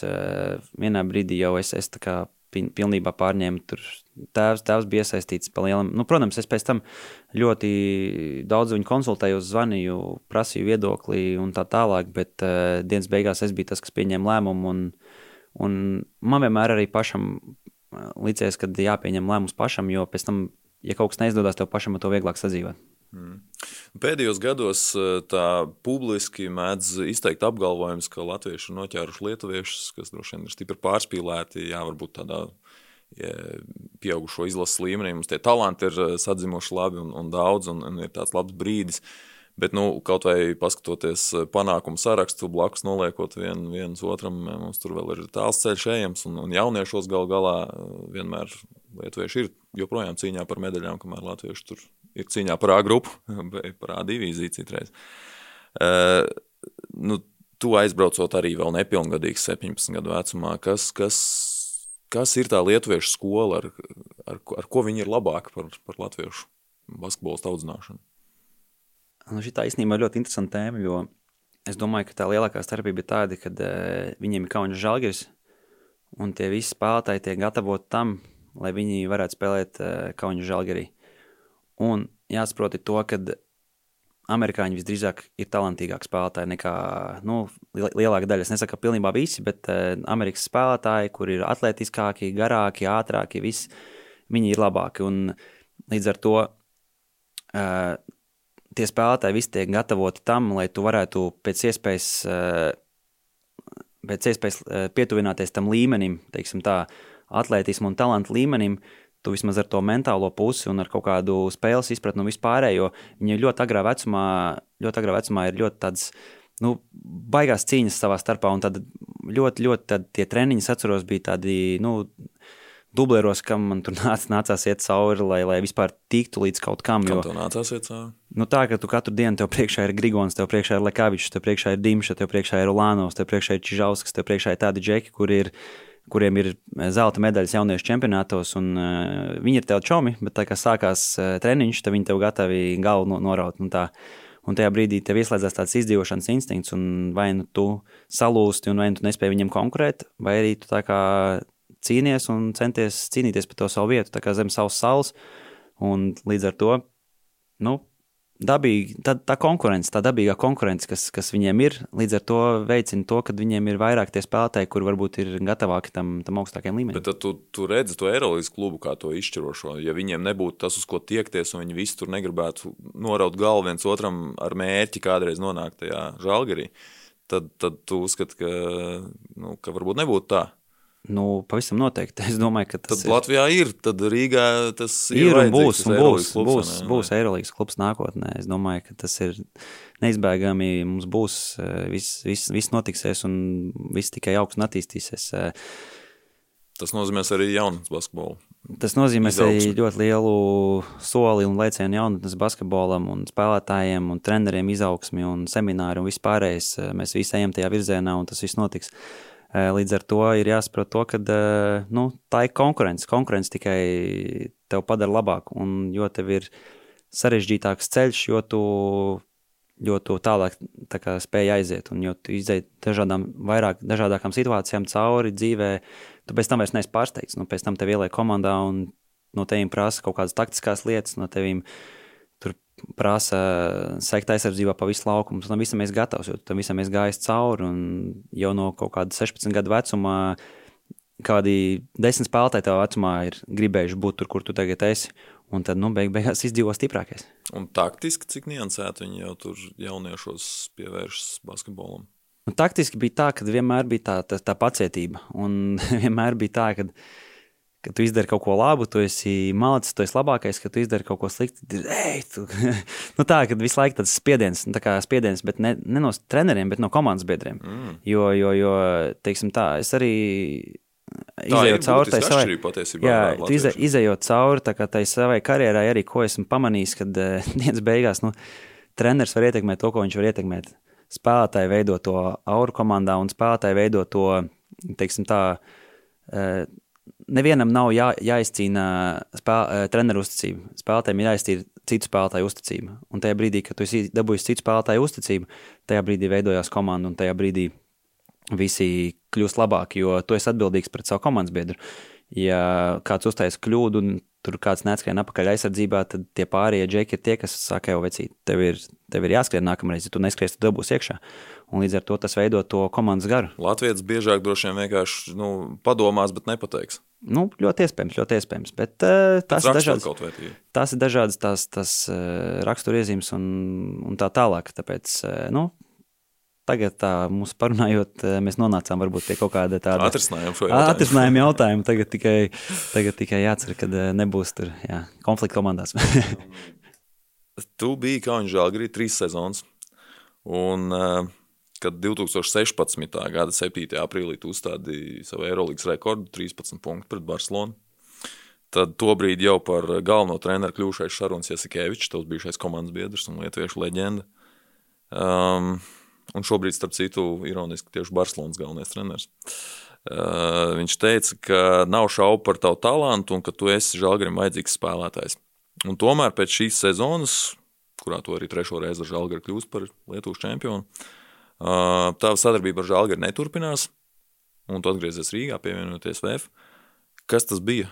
Žalgaris uzmeta, vārdi neskanēja ar darbiem, vai, vai, vai kā tur tā situācija risinājās? Uh, nē, tur bija citādāk. Tur bija vairāk. Uh, tur bija tā, ka es savā ziņā arī kaut kādā tajā savā jaunības maksimālismā likās, ka es varu vairāk, ka man esmu pelnījis lielāku lomu, varbūt, vai, vai kaut kādīgi citādāk. Uh, tajā brīdī vienkārši arī īstenībā pirms Šarunas. Uh, Eh, pirms Šāras tika apstiprināts par galveno treneri, es jau biju teiksim, tā, mutiski jau gandrīz jau projām no Žāģira, bet tajā brīdī eh, Šarons atnāca, viņš man piezīmēja, viņš man teica, ka viņš redz eh, diezgan lielu lomu komandā. Viņš uzskata, ka es varu dot komandai ļoti daudz. Es būšu pirmais spēlētājs, kas nāks no soliņa un no LKL līgā. Un spēlēju liels minūtes, un pirms tam es vispār nebiju spēlējis, gan arī vispār tajā pirmajā sezonas pusē. Un Eirolandā nu, redzēs, nu, kā, kā būs, kā es sev parādīšu. Bet eh, tās, tās manas kvalitātes, kas man ir, viņam der komandā. Un uh, viņš, viņš redz, kā, kā tās izmantot. Un, ja Šāras kaut ko tādu pasakā, tad es nevaru nepalikt. Uh, skaidrs, ka pēc tam tas lēmums vasarā bija, nu, varbūt tās sezonas beigas arī tajā Lietuvas līgā es varbūt sev neparādīju no labākās puses. Līdz ar to es paliku ciešā kontaktā ar, ar Žalgiru, un es biju diezgan pārliecināts, ka pēc labas sezonas VFā vai pēc divām sezonām es varētu atgriezties diemžēl trauma, un tas viss, tas viss lietas sagrozījās. Bet eh, tā tie nebija tikai vārdi, tā tiešām bija. Un mēs arī pēc tam eh, Šāras brau, viņi lidoja uz kaut kādu Eirolandes spēli, vai atpakaļ, vai uz turieni, un Šāras palika uz dienu Rīgā. Mēs sazinājāmies un satikāmies, un bija viņa parunājāmies eh, Rīgā centrā. Tur tāda forša saruna mums bija, un, un mums joprojām ir labas attiecības. Un divus gadus atpakaļ es viņu nejauši satiku Burgosā. Eh, Barcelonai bija spēle pret uh, Burgosu, un mums bija spēle pret Burgosu Spānijas otrajā līgā. Un, uh, rīta treniņa vietā mēs bijām ar komandu izgājuši pastaigāties, un es redzēju Barcelonas coaching staff, kur bija pa lielam visi lietuvieši. Es ar viņiem aizgāju, sasaicinājos, un, un ļoti tād, tā kā pozitīvs, uh, teiksim tā, tas interactions, tā, tā satikšanās bija. Un, Un, un, un neko sliktu vispār nevaru pateikt. Tā kā, tā kā viss, viss, ko Šāras teica, tas arī, arī viņš no savas puses pildīja. Es pieļauju, ka kaut kur es varbūt netaisnoju sev tās sliktās cerības, varbūt tajā, tajos plēfos un sezonas izskaņās. Mm. Pusgadu pēc U20 sudraba tu pirmo reizi saplēsi krustenis, krustenis kā saites. Mm. Izlaidīja gan atlikušo pusi sezonas, gan vēl nākamo sezonu. Vēja rindās tu saplēsi ahilē cīpslu, atlapšana bija ilga un, un, un, un sarežģīta. Un tās ir divas bez mazliet smagākās traumas, kādas var sportistam būt, basketbolistam. Ko tas nodara spēlētājiem? Ko, ko tas tevī mainīja kā, spē, kā basketbolistam? Nu, tas ir ļoti plašs tēma. Es domāju, ka mums ir laiks to visu tagad uh, izrunāt. Īsajā versijā. Bet, bet īsajā versijā tas, uh, tas ir ļoti daudz sarunas pašam ar sevi, kas tu esi kā cilvēks, kas ir tavs, uh, teiksim tā, ko, ko tu vari vēl izdarīt bez basketbola? Kas ir tas, ko tu. Tajā brīdī tu sāc jau domāt par to, kas nu, ir vēl. Jau, protams, nu, skaidrs, ka, ja tev ir trīs gadu laikā, tu jau, ne, no četru gadu laikā, tu trīs gadus esi izlaidis, tad tu sāc domāt Varbūt, varbūt tas, tas nav, varbūt tu neesi, varbūt to ķermenis vienkārši nav tam, tam radīts. Un, varbūt tie ir signāli. Un tie ir signāli, jā, un, un skaidrs, ka es biju trāks un es savu ķermeni, teiksim, tā spiedu līdz tādiem ekstrēmiem, tādām ekstrēmām robežām, caur treniņiem un vispārējo, un neieklausījos varbūt kaut kādās tādās traumās, bet es kaut kā pats varbūt biju izveidojis ar to visu to U20 un vispārējo, kad, eh, kad es varu varbūt būt vairāk nekā mans ķermenis, kad es varu iet pāri tām traumām un stāvēt tam visam pāri, un ka tas nekas nav. Un varbūt tas ir kaut kāds mans, mans, mans pats muļķīgums, varbūt beig, beigās maksāja man varbūt dārgi, bet tāpat laikā es ļoti daudz iegūstu kā cilvēks, un es sapratu kaut kādas lietas, eh, kad sports tāpatās agrāk vai vēlāk viņš beidzās. Un līdz ar to tev ir jābūt kaut kam vairāk, tev ir jāsaprot to, ka basketbols tev ir kā instruments, Un tad, ko tu ar to instrumentu dari, to tu izvēlēsies. Vai dabūni izglītību, vai tu aizbrauc kaut kur spēlēt, kaut kādi kontakti, kaut kas. E, tas paver ļoti daudz plaš, plašāku redzesloku, un līdz ar to man tas deva iespēju domāt plašāk. Kas ir tie atbalsta punkti šādos, šādā laikā, šādos čet, šādā četru gadu nogriezienī, kad ir tik daudz tie savainojumi?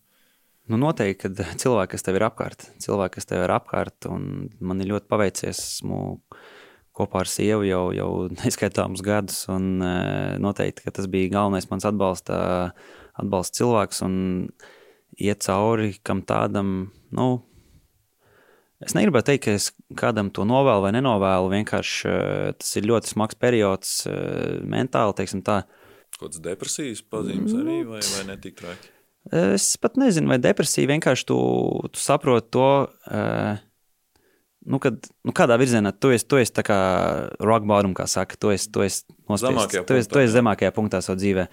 Un, un, un, nu, kādas tavs izvēles, kas, kas tu tagad gribi būt? Nu, kā, tu, vai tu, tu padosies, tu paliksi tur būt apakšā, vai tu sāksi būvēt savu ceļu kā, atpakaļ dzīvē un, un, un veidot sev kā personību, kā, kā kaut ko vairāk. Un, un tajā brīdī es domāju, ka uh, nu, ir, ir ir, teiksim, tā, ir svarīgi tie apkārtējie cilvēki, kas tev ir. Un man tādā ziņā varbūt paveicās. Kaut kas tas ir tā, ir tā mana, mana veiksme, kas man dzīvē ir e, notikusi, kad es kaut kā varbūt apzināti, neapzināti esmu izveidojis to savu, to savu circle, to savu loku, jā. lauku, to loku, savu, savu burbuli. Un līdz ar to man tie cilvēki ļoti daudz palīdz e, sarunām, ievirzīšanām, domām, tur atbrauc ciemos, parunājam, paspēlējam video spēles, tur memo šovus un vispārējo.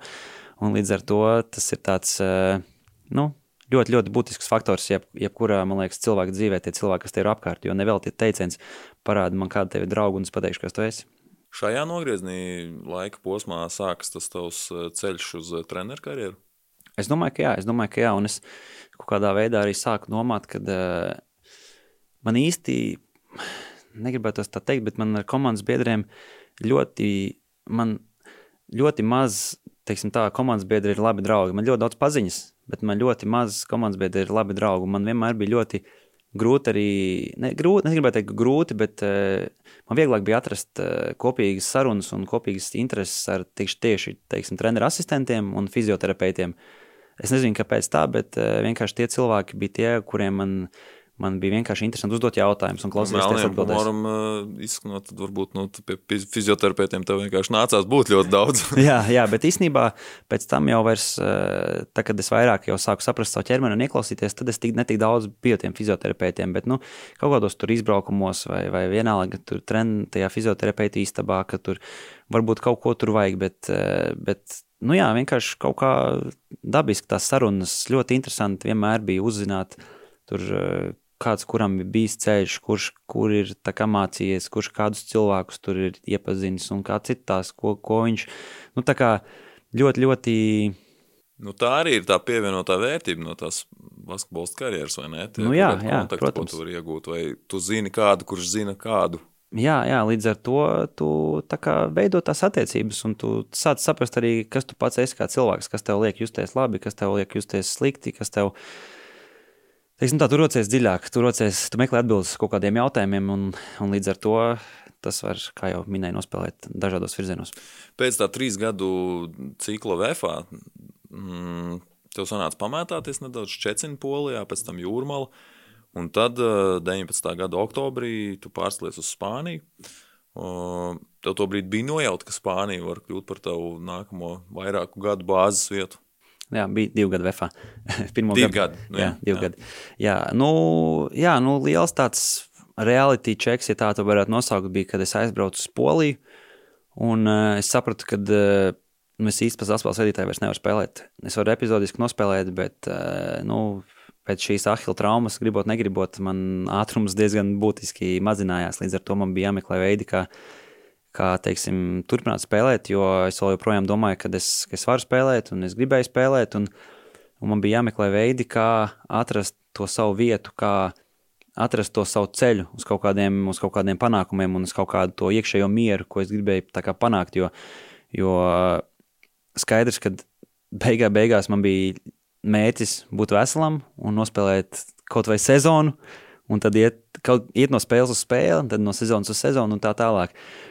Un, un, un tad, kad uh, viss beidzās Polijā, es atgriezos Latvijā uz īsu brīdi, un tad tieši notika tā pozīcijas maiņa, kad es vairāk sāku spēlēt kā, kā uzbrukošais aizsargs, uh, ko es īstenībā arī ļoti daudz darīju visās jauniešu izlasēs, bet, bet vienkārši uh, nu, spēlētāju tirgus ir tāds, ka ar maniem fiziskiem parametriem man ir jābūt, teiksim, tā saspēles vadītājiem augstākajā līmenī ar šiem fiziskiem parametriem, kā uzbrukošam aizsargam spēlēt ļoti grūti. Līdz ar to atradis vietu sev Spānijas otrajā līgā. Mans mērķis bija tikt ACB līgā un ar cerību, ka komanda mani paturēs. Pirmajā gadā man arī bija tāds līgums, kad, ja mēs tiekam, tad es palieku komandā arī ar ACB, un uz to arī viss tā kā gāja.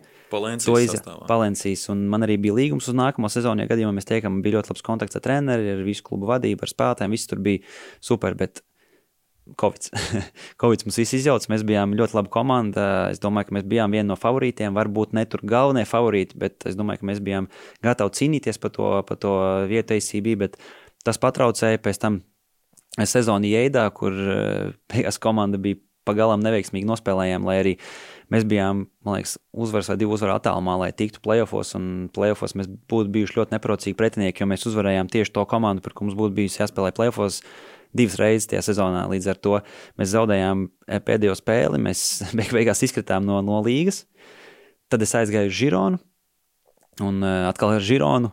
Tas, tas eh, uzreiz uzliekas, sanāk, trīs, trīs latiņas augstā, un tad mēs tikām beig beigās ACB, bet tas bija pirmais gads, kad man nebija līgumā tas, kad es, ja palieku komandā, tad, tad mēs ejam, tad es eju ar komandu līdz uz, uz ACB, un beig beigās arī man bija tāda laba saruna ar klubu vadību, un Un komandas vadība arī godīgi pateica, ka uh, es neietilpstu viņu nākamo, nākotnes plānos uh, Spānijas augstākajā līgā, kas varbūt uh, savā ziņā iekšēji tas, tas bija tas, ko man vajadzēja dzirdēt. Jo, jo tajā brīdī es sapratu, ok, esmu šajā līmenī, un nu, fiziskās tās īpašības un viss pārējais neatbilst tam ACB līmenim un līmenim, kur es gribētu būt, un kur, es, tā, kur manas ambīcijas mani grib, lai, lai, lai es būtu līdz ar to beigās arī diezgan eh, nu, nepagāja ilgs brīdis, kad eh, es arī pieņēmu šo lēmumu, kad uh, likt karjerai punktu.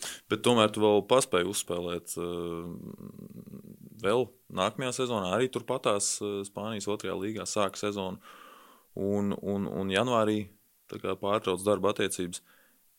Mm, Kāda iespēja tas atstāja uz tevi, ka, ka klubs vēlas šķirties no tevis? Ne, šeit nav stāsts par to, ka klubs ir ticis nākamajā līmenī un tad izvēlas. Mm. Uh, bet tu spēlē tur, kur tas spēlēs jau vairākus gadus. Mm -hmm. Komanda neiet, un, un viņi ir acīm redzot, atraduši kaut kādu grēkāzi, vai, vai tā tas nebija?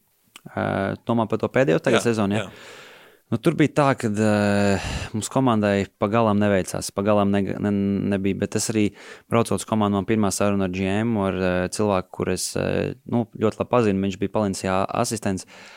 Uh, mums bija tāda ļoti laba saruna. Un pēc tā, ko viņš man teica, es sapratu, ka komanda būs diezgan laba un konkurētspējīga. Un uh, iepriekšējā gadā šī komanda tika playoffs un sērijā līdz trīs uzvarām, trīs divi zaudēja Jēdai. Un līdz ar to es biju domājis, ka šī komanda visdrīzāk arī nākam, nākamajā sezonā būs playoff komanda un, un mēs konkurēsim. Bet kaut kā pēc tiem, pēc tiem, sain, pēc tiem parakstītiem spēlētājiem un, un viss, kas tur teiks, nokomplektēts, man jau tāda aizdoma radās, kad nu, Bažas, ba, bāžas radās, kad, kad kaut kas ne tā. Un, nu, Visdrīzāk, ka komanda no manis bija gaidījusi vairāk, bija gaidījusi, ka es būšu tas līderis, kas tagad tur metīs 15, 20 punktus. Bet, uh, nu, acīm redzot, es nebiju tam gatavs, un es nebiju, nevarēju dot viņiem varbūt to, ko viņi vēlējās. Un, un, un man, paš, man pašam arī bija tāds, teiksim, es vienmēr esmu spēlētājs, kurš atdod sev pa 100% laukumā, un es arī tajā komandā darīju visu, ko, ko no manas treneris prasīja, un atdevu sev uz 100%. Dažreiz gadās tā, ka uh, tu gūsti punktus, dažreiz gadās tā, ka tu negūsti punktus, bet uh, nu, dienas beigās rezultāts nebija. No manis varbūt gaidīja vairāk, es no komandas gaidīju vairāk, un tad mums nebija īsti kā, pa ceļam. Un tad mēs kā, izvēlējāmies kā, šķirties. Bet, uh, Nu, tas, tas, tas lēmums jau arī, nu, garantētais līgums, viss man tur bija. Es teorētiski varēju palikt līdz sezonas beigām, nu, un, un, un sēdēt, un, un iespītēties, un, un, un teikt, ka uh, man tur jāpaliek. Bet, uh, bet tas nozīmē, ka kaut kādi aizmetņi, nu, kā jau tur arī pats teica, nu, bija jau pēc tās iepriekšējās sezonas, kad tev Žirona pateica, ka nu, tajā nākamajā līmenī jā, jā. tas visdrīzāk nebūs vajadzīgs. Un tad, kur, tad tagad ir vēl šāds pavērsiens notiek. Jā, nu noteikti. Man jau nu, tas, tas īstenībā jau tā kā vilkās, un es tā kā sev vairākas reizes uzdevu jautājumu, vai, vai tas ir to vērts, vai man patīk šī karjera. Tomēr esmu projām no mājām, projām no ģimenes. Skaidrs, ka draugi tas ir, tas ir bijis citādāk, jo, jo tāpat tās dienas beigās visiem ir darbi, visi, dar, visi, visi tajā ikdienas, tajā ritenī, ikdienas burbulī. Un es sāku domāt, vai tā dzīve ir tas, ko es gribu darīt. Jo tā basketbola dzīve nav vienkārša. Nu, tā, tu, labi, tu aizēji notrenējies, Un tagad ir ļoti ierasts, ir tā, ka ir viens treniņš dienā, nu, viss pāriet uz to metodi. Un tad ir atlikusi diena brīva. Un būt vienam kaut kur Spānijā, kaut kādos laukos, palielam, labi, es negribu tagad aprunāt kaut kādas pilsētas vai ko tādu, bet, bet nu, es nebiju pārliecināts, ka tā ir tā dzīve, ko es, kur es sevi redzu nākamos tur piecus gadus. Līdz ar to es uzdevu savu godīgu jautājumu, nu, vai es gribu pēc pieciem gadiem būt tur, kur esmu šobrīd. Jā, tur varbūt būs veiksmīgāka sezona, varbūt izdosies nedaudz uzlikt augstāk, tur neveiksmīgāk, bija viņa zemāk. Bet, bet dienas beigās tas viss kā, nu, jau būvējās īstenībā pēc tās traumas. Tas nebija tā, ka tur tas kaut kāds veiksmīgais periods tur Spānijā vai neveiksmīgais periods Spānijā. Tas jau vilkās tā kā ilgus gadus, un, un es tam momentam palielam gatavojos, un arī tāpēc es Covid laikā iegūšu treneru certifikātu un, un, un tiešām iespringu uz to, lai, lai to nokārtot. Tas man arī izdevās. Un, teiksim, tā, tas, tas lēmums, viņš jau, viņš jau, tas nebija tā viens dienas emocionāls lēmums, tas bija pārdomāts lēmums, ilgus gadus veidots, būvēts. Bet un... tomēr tu vēl pēc tās Spānijas aizbrauc uz Nīderlandi. Jā, jā. Tas nozīmē, ka vēl kaut kas tomēr bija, vēl tas dzinulis vai dzirstelīte. Nu, es jau zināju, es jau zināju, kad, eh, ka visdrīzāk šī ir mana pēdējā sezona. Un es jau īstenībā arī ar aģentu runāju, kad, eh, kad nu, uh, nu, ka es drīzāk nekur negribu braukt. Es gribu palikt, bet man savā ziņā pierunāja, jo, jo likās, ka es būšu uzvarošā komandā, un, un, un līdz ar to man pamainīsies tā, tā, tā uztvere un tas, tas redzējums par lietām. Jo, Nu, ir citādāk, vai tu spēlē zaudošā komandā, vai tu spēlē uzvarošā komandā. Es aizbraucu uz Nīderlandi, labi iejutos komandā, man bija liela loma. Mēs e, ierakstījām, ierakstījāmies Nīderlandes basketbola vēsturē kā, kā pirmā komanda pēdējo 40 gadu laikā, kas pabeidz regulāro sezonu bez zaudējumiem.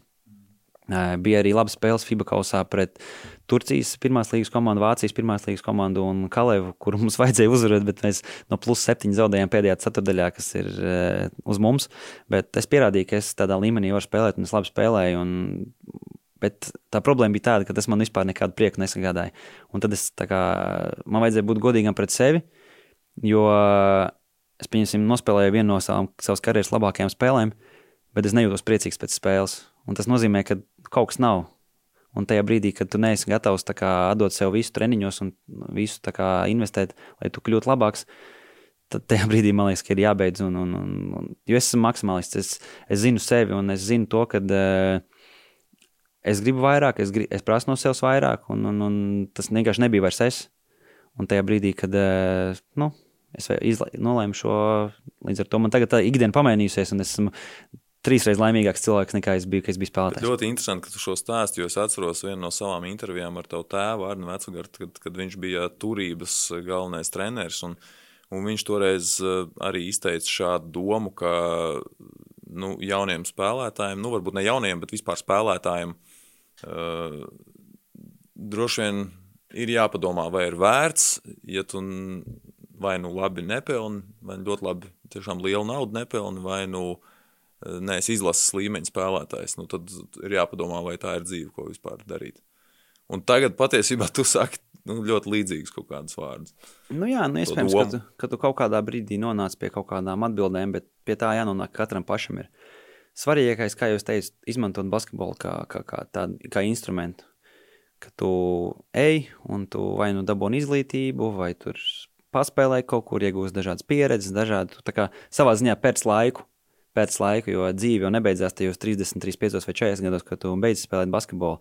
Tad tikai tā īstā dzīve sākās. Un, eh, ja tu domā, ja mēs tagad visi domājam, ka mēs nopelnīsim miljonus un nodrošināsim savu dzīvi, bet kas tad tā dzīve beig beigās ir? Tu beidz karjeru, tev ir daudz naudas kontā, un ko tālāk, ja tev nav kaut kādas zināšanas, ja tu neesi jau kaut ko jau domājis un jau kaut kādas ievirzes jau būvējis, tad ļoti, ļoti, tāpēc ir, tāpēc ir, ir tā statistika, ka NBA spēlētāji ļoti ātri pēc tās karjeras eh, bankrotē, bet tagad varbūt tās lietas mainās, un tagad par to daudz tiek runāts, un tas tiek, tas tiek uzsvērts tā, ka, nu, jāmeklē un jāsaprot, eh, kas tu esi un kas ir tās lietas, kas tev sagādā prieku. Un, ja tev sagādā prieku basketbols, un tu gribi spēlēt līdz 40 gadiem, kāpēc nē? Bet vienkārši ir jābūt kaut kādām tādām papildus lietām, ko, ko tu gribi darīt. Un ne visiem ir tur jāspēlējas izlasē vai super augstā līmenī. Nē, nu, ja tu jūties laimīgs, tu pelni tur kaut kādu vienu un to pašu algu, ko tu vari pelnīt, darot kaut ko citu. Spēlē basketbolu. Nu, dari, dari to, kas tev dara priecīgu, nu, to, kas tev dara laimīgu. Nu, ja tu esi laimīgs, tad dari to. Nu, Treneris darbs tev dara laimīgu šobrīd.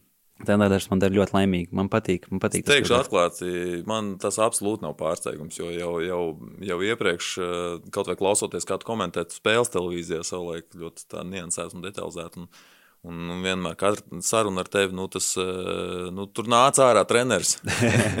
Tagad uzreiz pēc karjeras būtībā nu, pat, pat, pat mēnesis nepagāja. Uzreiz meties iekšā treneru izaicinājumos un darbos.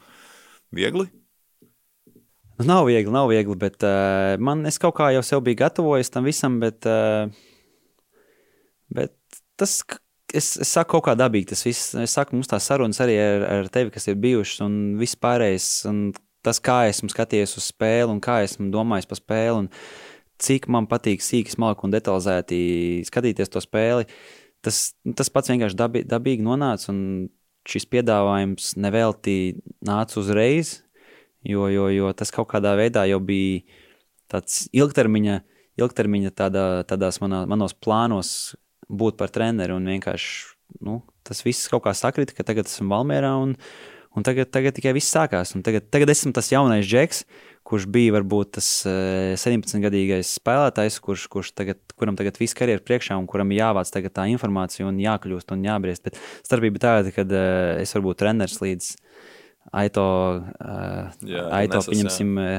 jā, leģendārais treneris 76 gados ir Žironas komandas galvenais treneris. Tā, ka, tā karjera ir tā kā, teiksim, bezgalīga. To arī Bet treneri. tu redzi sev basketbolā visu to, to, to savu darba dzīvi. Nu... Jo tagad pēdējā laikā ir nu, arī gadījumi, kad gados jauni treneri tomēr izvēlas arī finansiālu apsvērumu dēļ pārtraukt gaitas basketbolā un doties citā virzienā. Nu, dzīve rādīs, dzīve rādīs. Es, eh, es būt, es negribu zaudēt to, teiksim, eh, azartu un tādu deksmi par to, ko, par to, ko es daru. Man šobrīd ir tas azarts un ir tā deksme. Esmu pašā sākumā skaidrs, ka kaut kādā brīdī viņi kā kļūst mazāki, bet uh, skaidrs, ka es gribu testēt limitus sev. Es gribu skatīties, cik es, cik es daudz varu izdarīt, cik es daudz varu sasniegt, iet soli pa solītam. Mēs nekad nezinām, kur mēs būsim pēc gada, pēc diviem, pēc pieciem, bet uh, tas ir tas ceļš un tā ir tā neziņa, kas, kas tā kā, rada to teiksim, tādu adrenalīnu sajūtu. Ka, piemēram, tādā basketbolista karjerā es zinu, kurš būšu pēc pieciem gadiem. Šobrīd es nezinu, kurš būšu pēc pieciem gadiem. Līdz ar to visas, visas durvis ir vaļā, viss ir, viss ir iespējams. Tā, nu, man izklausās, ka tu būsi ļoti prasīgs treneris. Ja tu ar savu maksimālismu mēģinās prasīt arī no, no, no tiem, ko tu trenēsi. Nu, redzēsim. Es domāju, ka uh, viss ir. Uh, Nu, viss ir detaļās, viss ir, viss ir niansēs. Es redzu ļoti daudz lietas, kuras es varbūt varu ieteikt, kuras un teikt, un dot un, un rādīt un no savas pieredzes.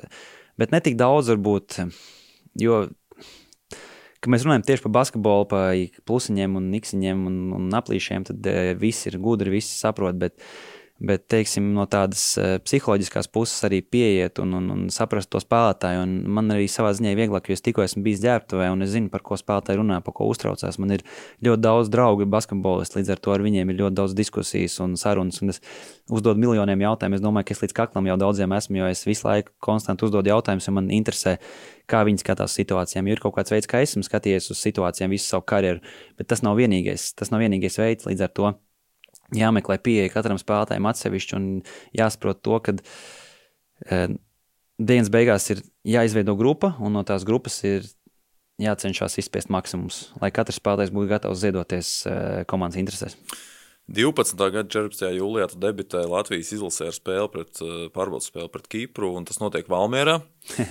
Uh, gadu vēlāk tu aizvadi arī pārbaudas spēli pirms U20 čempionāta Valmjerā. Tavs uh, viens no taviem draugiem ir no Valmjeras, Dāvis Bērtāns, uh, nu, Rūja no Valmjera.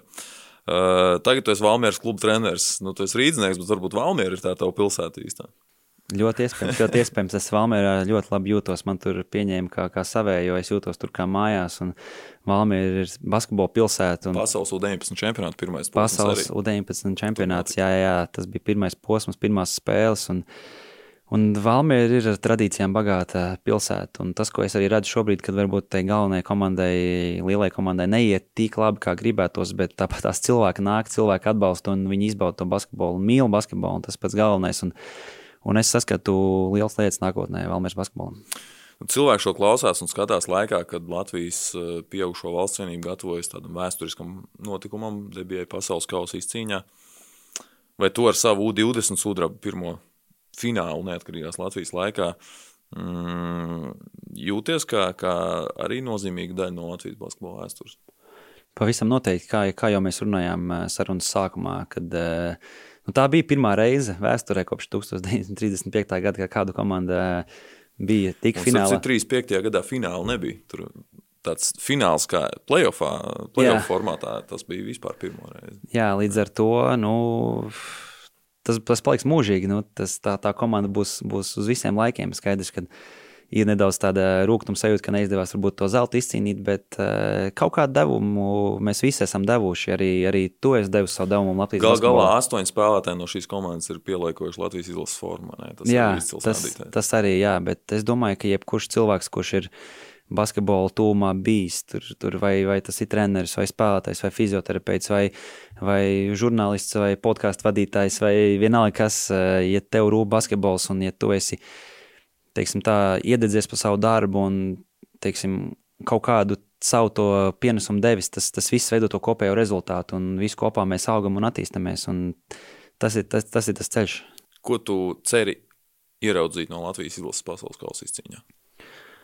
To, ko es jau esmu ieraudzījis līdz šim, uh, treneru Luka Bankī vadībā komanda spēlē, teiksim, tā var redzēt, ka visi, kā jūs minējāt, ir gatavi ziedoties viens otru labā, visi gatavi dot 100% uz laukumu, vai tas ir pirmais spēlētājs, vai tas ir 12. spēlētājs, vai tas ir doktors, vai tas ir fizioterapeits, vai tas ir treneru asistents, vai tas ir delegācijas vadītājs, vai tas ir brīvprātīgais, visi dzīvo līdz komandai, un tā komanda ir izveidota tik cieši saikni, ka dienas beigās tas rezultāts ir otršķirīgs ja, ja komandai ir čempiona mentalitāte, tas ir pats galvenais. Rezultāts var atnākt, rezultāts var, var nebūt, bet, eh, ja, ja tā grupa ir kā viens vesels, un ja viņi strādā uz 100% un visi cīnās viens par otru un ir gatavi kaut vai tev minūti, vai 30 sekundes, vai 5 minūtes nospēlēt uz 100%, tas ir tas, kas veido tajā komandā to, to galveno mentalitāti. Un es domāju, ka tas ir šobrīd Latvijas izlasē izveidots. Un mēs nezinām, kāds būs rezultāts, bet es zinu, to, ka tā komanda būs gatava uz 100% atdot visu sevi laukumā. Kur glabājas tavs sudraba medaļa? Labs jautājums. Labs jautājums. Sirdī. sirdī, sirdī. Nav, nav īpaša vieta. Nu, tas dienas beigās ir teiksim, tā, Bleķīts, bleķīts dekoriņš. Tas, kādas iekšējās sajūtas tas tika radīt, tas, tas radīja man, tas, tas man ir svarīgāk. Man nekad nav kaut kādas lietas vai mantas devušas tādu gandarījumu vai tādu prieku, kā kaut kādas emocijas un kaut, kaut kādi izdzīvotie mirkļi. Tāpēc es arī cenšos pēc iespējas mazāk tagad arī telefonā tur ar viedierīcēm filmēt un tā tālāk, jo izdzīvot to mirkli vai arī esot, pieņemsim, kāda teiksim, tā, sabiedrībā zinām cilvēku klātbūtnē, un kaut vai ka tur viņi pārmīja pāris vārdus, un, un tas, tas interactions, tas, tas, tas, tas, ir, tas man nozīmē daudz vairāk nekā varbūt kaut kāds viens selfijas kopā un, un, un kaut, kāda, kaut kāda lieta. Paldies, Kaspar! Paldies, Andrej! Podkāsts Sudraba zēni. Klausies arī pārējās šī podkāstu epizodes un iesaki tās citiem.